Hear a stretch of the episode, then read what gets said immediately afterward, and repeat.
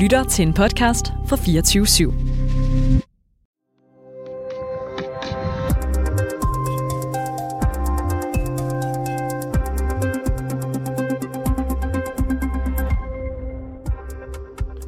Langs en nøgen boulevard hænger plakater med portrætter af blandt andre den russiske præsident Vladimir Putin. Og nej, vi er ikke i Moskva eller en anden russisk storby. Vi er i Johannesburg i Sydafrika. Byen danner ramme om det 15. topmøde mellem de fem lande Brasilien, Rusland, Indien, Kina og Sydafrika, der sammen går under akronymet BRICS.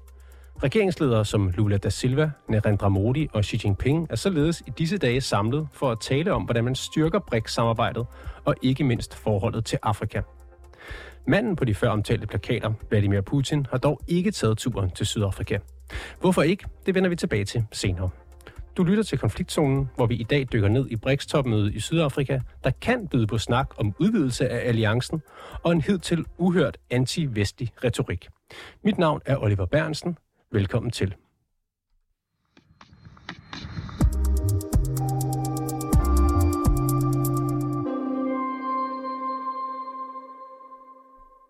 På topmødets første dag, tirsdag, der talte jeg med Rasmus Nielsen Bitch, som er journalist bosat i Cape Town i Sydafrika. Han fortæller, at BRICS-topmødet i Johannesburg føles som en eksistentiel kamp om Sydafrika og Afrika generelt som alliancepartner i fremtiden. En kamp, som Rusland og også Kina i den grad har meldt sig ind i. Det vigtigste at sige i den forbindelse er nok, at øh, øh, præsident Xi Jinping jo kommer, eller er ankommet til Sydafrika. Og øh, han kommer for at mødes med øh, de andre BRICS-lande, Sydafrikas øh, præsident Cyril Ramaphosa, men også 30 andre afrikanske ledere. Og der, hvor man måske kan se, hvor vigtigt det her det er, også for Kina, det er jo, at det kun er hans andet besøg i udlandet i år. Så det er altså noget, som han prioriterer ekstremt højt. Og det er for selvfølgelig også noget, som de afrikanske lande, som alle sammen er taget til Sydafrika, prioriterer ekstremt højt. Øhm, det handler øh, det kommer sådan, hvad skal man sige, i, en, i forlængelsen af en stor debat, som, som har foregået i den sydafrikanske offentlighed og på et lidt højere plan måske i meget Afrika, som egentlig handler om, hvem skal vi ligesom have som alliance og handelspartnere i fremtiden. Man har jo været lidt sammen med Vesten øhm, i, i nogle år, men er der et alternativ til den her hegemoni anført af USA, som øh, også kan fungere og som man kan få noget ud af og måske kan være en bedre samarbejdspartner. Det er noget, som debatteres flittigt, og det tror jeg øh, måske kulminerer en lille smule ved det her øh, møde i Pretoria, som foregår lige nu. Du nævner Kina her, men hvis vi ser på Rusland, som jo også er et øh, grundlæggende medlem af BRICS, så er det tydeligt, at Putin prøver at styrke sine alliancer med de afrikanske lande, og så sent som i sidste måned holdt han også et Rusland-Afrika-topmøde i St. Petersborg. Du tror ikke helt, at Vesten forstår, hvor meget der egentlig er på spil her. Hvad mener du med det? Altså, jeg mener, at når man ser på det, som der foregår, og de her ligesom overtyrer, der kommer fra Rusland og Kina, så er det jo meget tydeligt, at de tager de afrikanske lande ekstremt seriøse som samarbejdspartner. De prioriterer det her forhold højt. Og hvis man så kigger over på Vesten, så tror jeg, at nogle af os i Vesten har en, lille smule naiv tilgang til, hvem der ligesom er de gode og de onde i verden. Hvis man for eksempel tager krigen i Ukraine som eksempel, så er det tit svært for offentligheden i Vesten øh, at forstå, hvordan man kan finde på at holde med øh, Rusland, når det er så tydeligt, hvem der ligesom er de gode og de onde der. Men sådan er det ikke for mange afrikanske øh, ledere og afrikanske befolkninger, fordi man har i øh, Afrika ikke det samme sådan entydige forhold til det på grund af den koloniale arv osv. osv. osv. Så på en måde så føles det en lille smule som om, der er sådan lidt koldkrigsagtig stemning over det, hvor at store magter eller blokke i verden, som henholdsvis Vesten, NATO og BRICS, Rusland, Kina, på en måde sådan lidt kæmper om de afrikanske landes øh, gunst øh, i forhold til fremtiden, som jo handler om alt muligt, men, men blandt andet også øh, råstoffer, migration, klimaforandringer, energi og alle de her store temaer. Og der er jeg ikke helt sikker på, at vi i Vesten i virkeligheden prioriterer det her forhold til Afrika nær så højt, som øh, for eksempel Rusland og Kina gør.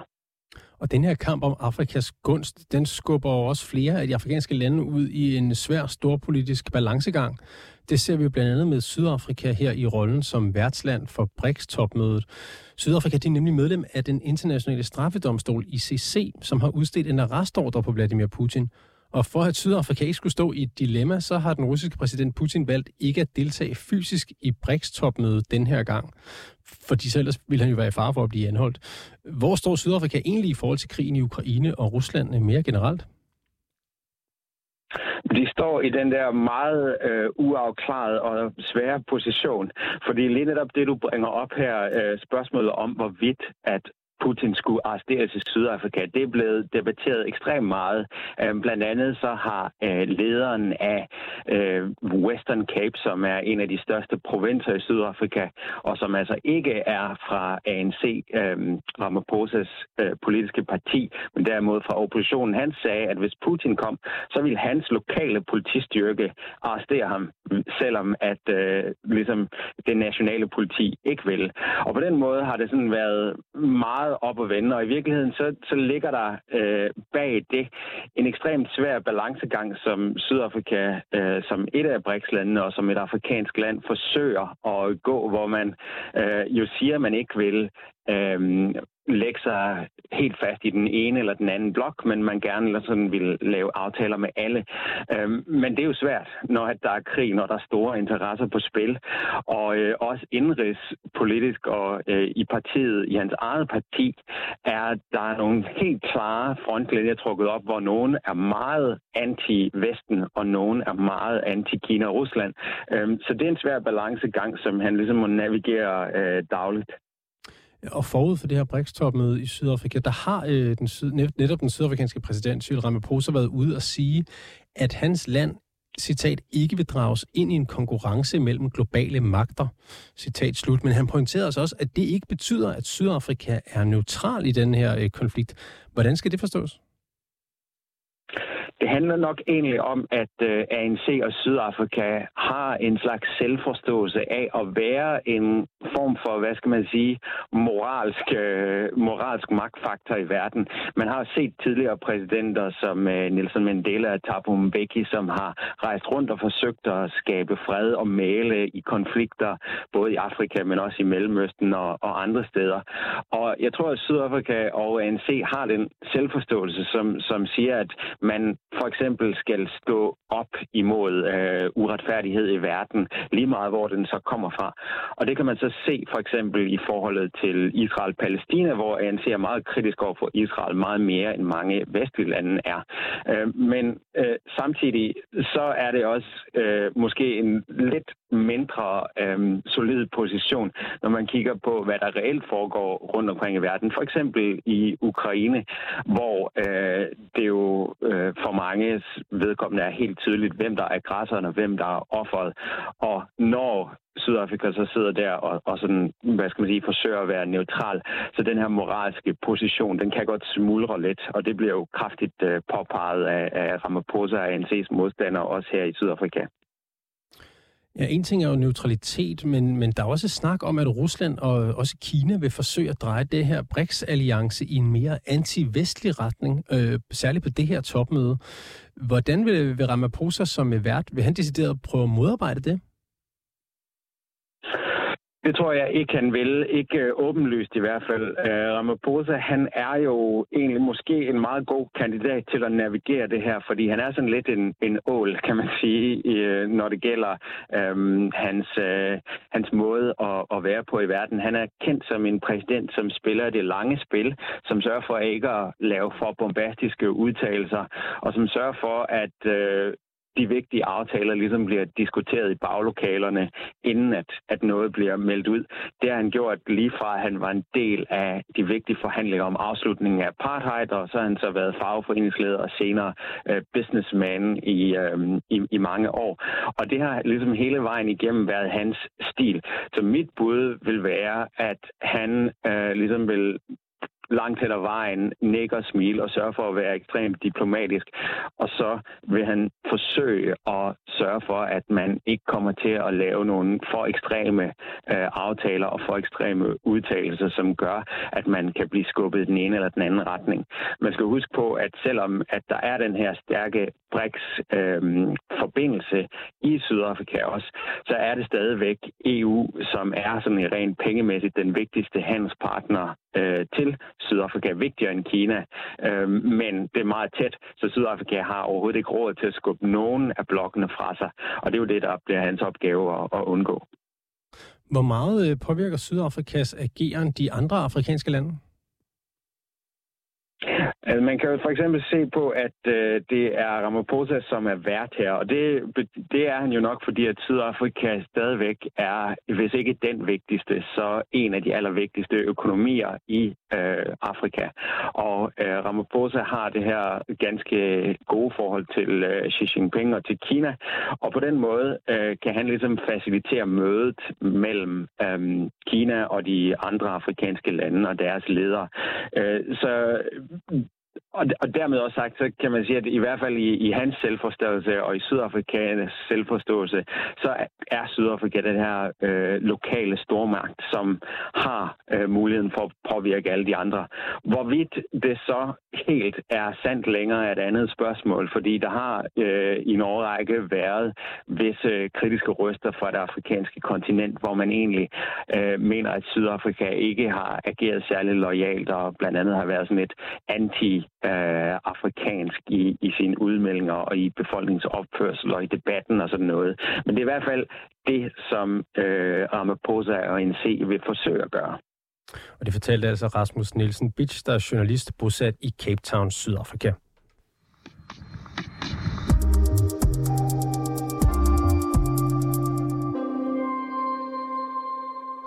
Og så skal vi prøve at se nærmere på et land, som i den grad også kæmper med balancegangen i BRICS-samarbejdet, og som vi holder særligt øje med ved mødet, nemlig Indien. Sonja Furo, velkommen til programmet. Tak. Du er Weekendavisens Indien-korrespondent og normalt bosat i New Delhi. Hvad er det for en balancegang, Indien går i forhold til BRICS-samarbejdet? Jamen, Indien bevæger sig på en meget øh, snæver øh, line, må man sige. De skal jo både håndtere øh, Kina på den ene side, som de har et meget anstrengt forhold til, og så er de jo samtidig rækket ud til Vesten, som de vil have få et tættere bånd til. Så det er jo klart, at man har ikke samme agenda som Kina til BRICS-topmødet. Man ønsker altså ikke, at BRICS skal blive den her anti-vestlige blok. Indien er jo det befolkningsmæssigt største land i BRICS-samarbejdet, men hvordan positionerer landet sig i forhold til at optage lande som Iran, Saudi-Arabien og Nigeria i det her samarbejde? Det er jo lande, som alle sammen har søgt om at komme med i BRICS. Ja, og det er der jo mange lande, der har. Indiens udenrigssekretær har været ude at sige, at man er positiv og åben over for at udvide PRIX, men samtidig har han sagt, at man skal have styr på proceduren omkring det. Man skal altså have enighed om, hvilke lande, der bliver optaget i BRICS-samarbejdet. Øh, og det er jo de, de lande, du lige nævner, det er jo alle sammen nogle lande, som Kina har øh, styrket samarbejdet med de senere år. Så det er klart, at, at der vil man jo være meget opmærksom fra Indiens side på, at man ikke optager en masse lande, som bare kommer til at bakke Kina op, og det altså bliver den her kinesisk dominerede blok. Okay, men hvis vi lige tager de her lande, Iran, Saudi-Arabien og Nigeria, er det, øh, er det noget, som Indien er forbeholden overfor, eller tror du, det kunne Altså, det er også nogle lande, som Indien har et godt samarbejde med. Øh, men det er klart, at man vil jo afveje, at det er nogle lande, som vil støtte Kina frem for Indien. Og der kan man jo se både altså med Nigeria i Afrika, der er Kina gået ind og investeret en masse. Man har øget olieeksporten øh, til Kina. Øh, det samme har man gjort med Saudi-Arabien. Der har Kina øh, virkelig fået et meget bedre bånd også efter, at det, at det ikke er gået så godt med USA. Og det samme sagde med Iran, som er blevet isoleret fra resten af Vesten. Og der har Kina været ude at sige flere gange, at man, man forstår godt Irans position situation, og man synes ikke, at ydre kræfter skal blande sig i det indre. Øh, du siger, at det er vigtigt for Indien, at BRICS-landene ikke bevæger sig i sådan en udtalt anti-vestlig retning. Hvorfor det? Jamen, det er jo fordi, man har fået det her tættere bånd med Vesten. Øh, man så det, Modi var på et stort fornemt besøg til Washington i, i juni, så man er jo ikke interesseret i at gå imod den alliance, og det handler jo om, at man øh, vil modgå eller modstå truslen fra Kina. Man er simpelthen helt nervøs for, øh, hvad det betyder, hvis Kina får for meget dominans i verden. Man har jo en konflikt med Kina i Himalaya-bjergene, og man har jo tidligere inden Ukraine-krigen øh, brugt Rusland som den her sikkerhed for, at hvis Kina kunne finde på at invadere Indien, så vidste man i hvert fald, at man havde russerne. Men den sikkerhed øh, vakler jo her efter, at, øh, at Rusland har nærmet sig Kina, og så er det derfor, at man ser mod USA, altså for at få det her boldværk mod Kina.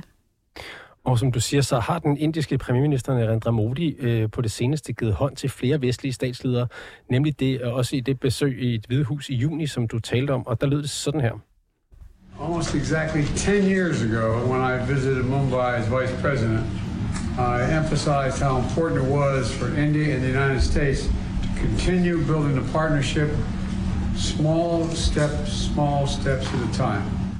Det var altså præsident Biden øh, i USA. Hvilke gevinster opnår Indien ved at have et godt forhold til eksempelvis USA? Jamen det er jo især, at de, de får et sikkerhedssamarbejde, som kan styrke i konfrontationen mod øh, Kina. Altså hvis man, man skærer det helt sådan ned. Så, så det er det, det handler om. Altså det er simpelthen at modgå og modstå truslen fra Kina. Det er derfor, man er interesseret i at have det her tættere samarbejde med USA.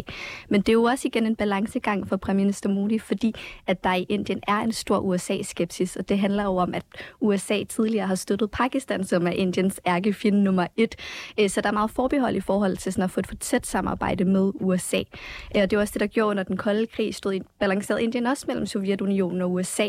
Men dengang der ønskede USA ikke at dele deres teknologi med Indien. Og det vil Sovjetunionen gerne, og det er også derfor, man i dag får meget af sit militærudstyr fra Rusland og har en afhængighed af det. Men efter øh, mødet i Washington, der har øh, USA altså gået med til at dele mere militær teknologi med Indien, og det er også derfor, man ser det her tættere samarbejde nu. Kan du prøve at sætte nogle flere ord på den her sådan, øh, hvad skal man sige, måske lidt lunkende stemning mellem øh, Kina og Indien? Ja, altså det er jo meget specielt, når man befinder sig i Indien, så er det i hvert fald ikke meget positivt, man hører om kineserne. Øh, TikTok har for eksempel været bandlyst i øh, Indien i mange år. Man kan ikke øh, downloade appen. Øh, man kan også se, altså efter der var et, øh, altså der var altid konflikter oppe i Himalaya-bjergene, men der var et, et stort sammenstød i, i sommeren 2020, hvor der var 20 øh, indiske journalister, der mistede livet, og efter det var der store protester mod øh, alle kinesiske varer. Der var store boycotts af øh, produkter, der var made in China. Men du taler direkte øh, om en invasionsfrygt, som Indien har. Hvordan, hvordan fungerer det så at være i samarbejde med Kina i det her BRICS, øh, BRICS-alliance? Jamen, det er jo øh, meget spændende, øh, hvordan det kommer til at forløbe. Altså, man kan jo også se på de billeder, der bliver taget. Jeg tror ikke, jeg har set et eneste billede, hvor premierminister Modi han står ved siden af Xi Jinping. Så, så det er klart, at der er den her øh, spænding mellem Kina og Indien, og det er jo også derfor, at man, man ser den her konflikt i BRICS-samarbejdet, netop fordi Indien og Kina står på hver sin side, og Indien ønsker bestemt ikke, at BRICS bliver det her kinesisk domineret samarbejde. Og, og det er det, de er bange for ved at udvide BRICS, at man simpelthen vil optage lande, som kommer til at støtte øh, Kinas interesser. Er der så nogle lande, som er på Indiens øh, ønskeliste, for eksempel, i forhold til at få dem ind i BRICS-samarbejdet? Øh, ikke, ikke hvad jeg lige ved umiddelbart. Altså Brasilien står jo også på Indiens side, og ikke er også skeptiske over for at lukke flere lande ind. Øh, men, men med det sagt er det jo heller ikke fordi, at Indien ønsker en vestlig domineret verdensorden. Indien ønsker en multipolar verdensorden, for det er der, de vurderer, at de kommer til at have størst indflydelse. Og hvordan kommer Indien så til at italesætte de her ønsker ved mødet i Johannesburg? Jamen det gør de jo ved at stå fast på, at der skal være enighed i BRICS-samarbejdet. Altså man ikke skal tage nogle beslutninger, som der ikke øh, er enighed blandt øh, medlemslandene om. Så de kommer altså til at stå fast på, at, at der skal være en, man skal finde nogle, en fast procedure for, hvordan man optager landene, så at Kina ikke bare kan trumfe igennem, hvilke lande, der skal optages i BRICS-samarbejdet. Men man vurderer jo også, at man har større indflydelse ved at være i, i lokalet, end at stå udenfor. Så derfor er man jo stadig interesseret i at være en del af BRICS-samarbejdet. Og hvor udtalt tror du, de her ønsker kommer til at være? Altså, hvor, hvor, hvor meget kommer Indien til at stå på hælene i forhold til Kina i det her, øh, på det her topmøde? Det tror jeg, de kommer til at stå meget fast på. Det er der ikke nogen tvivl om. Man kan se, hvis man følger med i de indiske medier, at der er hele den her diskussion om, hvad, hvorfor skal Indien være med i BRICS, og hvorfor skal vi samarbejde så tæt med Kina? Skal vi ligge under for dem? Det skal vi i hvert fald ikke. Øhm, så, så det er noget, de kommer til at stå fast på, fordi ellers så vil Modi komme hjem øh, og blive modtaget med stor skuffelse, hvis han øh, lå under for kinesiske interesser.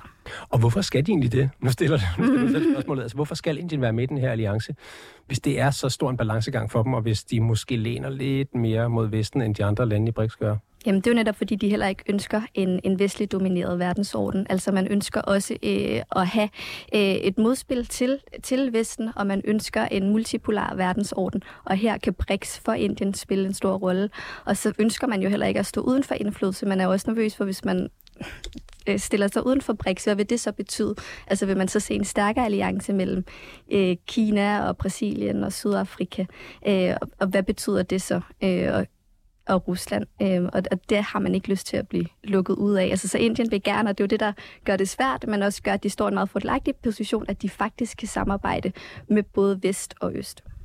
Og hvordan har, har inderne taget imod øh, konflikten i Ukraine for eksempel? Altså nu er de jo allieret i det her BRICS med et land, som har invaderet et andet land, eller forsøgt på det i hvert fald. Mm. Indien har jo ikke officielt fordømt invasionen af Ukraine, og det hænger sammen med Indiens meget tætte øh, bånd til Rusland. Øh, Rusland har altid stået bag Indien i, i Indiens konflikter. Det var Sovjetunionen, der sendte sin røde her, da Indien var i krig med Pakistan. Så, så derfor så har man den her opfattelse i Indien. Når man taler om Indien, så er det meget tydeligt, at man regner ligesom med russerne. Det er russerne, der altid har stået bag ved Indien. Øh, hvor, hvor amerikanerne, dem tvivler man lidt mere på, fordi dem har man ikke gennem historien kunne stole på på samme måde. Har du et bud på, hvad, øh, hvad kunne være en succes, et succeskriterie for Narendra Modi? Altså, hvad, hvad skal han hjem med for det her topmøde, for at han føler, at, øh, at han har øh, haft succes i Johannesburg? Man skal nå frem til, fordi det helt store spørgsmål er jo, hvordan skal man udvide BRICS, og det virker som om, at selvom der er uenighed, så har man også nået til en vis konsensus om, at der er nogle lande, man gerne vil optage. Så det, det der vil være afgørende for Narendra Modi, det er at nå frem til, at man får en klar procedure for, hvordan man optager de her lande. Så det ikke ser ud som om, at Indien ligger under for et kinesisk ønske. Altså, så det er tydeligt, at øh, Indien har en indflydelse på den her øh, procedure, og at Indien bliver taget seriøst i BRICS-samarbejdet. Sonja Fuhr, mange tak, fordi du var med. Du er som sagt Weekendavisens Indien-korrespondent. Selv tak.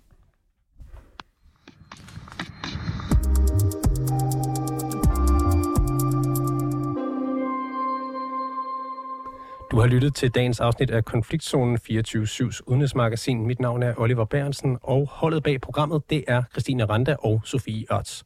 Du kan lytte til programmet direkte mandag til torsdag 8 til 8.30, men du kan selvfølgelig også finde programmet som podcast, hvor du finder den slags.